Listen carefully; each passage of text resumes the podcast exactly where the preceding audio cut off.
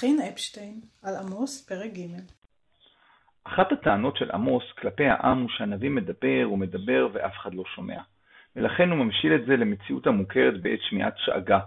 אריה שאג, מי לא ירא, אדוני אלוהים דיבר, מי לא ינבא. המדרש מבין את דבריו של עמוס בדרך מאוד אנושית, וכך במחילתא דברבי ישמעאל, מסכתא דבחודש, פרשה ד'.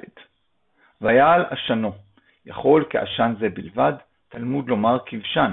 אי כבשן יכול ככבשן זה בלבד, תלמוד לומר וההר בוער באש עד לב השמיים. ומה תלמוד לומר כבשן? לשכך האוזן, מה שהיא יכולה לשמוע. כיוצא בו, אריה שאג מי לא ירא. וכי מי נתן כוח וגבורה בארי? לא הוא, אלא הרי אנו מכנין אותו מבריאותיו. לשכך את האוזן, מה שהיא יכולה לשמוע. המדרש מתאר את מתן תורה הוא מתחיל בתיאור של העשן ושואל באיזה עשן מדובר. מצד אחד מתואר העשן כעשן הכבשן, מצד שני מופיע תיאור אחר, הר שכולו בוער עד לב השמיים. אז איזה תיאור נכון, של תנור או הר שכולו נשרף?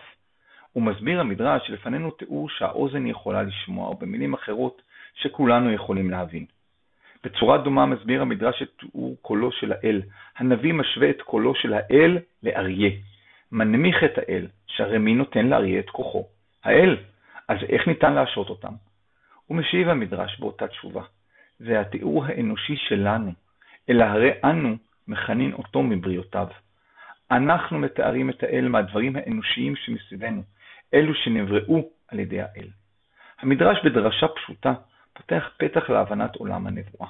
הנבואה אינה בתיאורים מופשטים, אלא בכאלו שכולנו מכירים, תנור ואריה. ועלינו השומעים להבין את התוכן ולעשות את ההפשטה בעצמנו.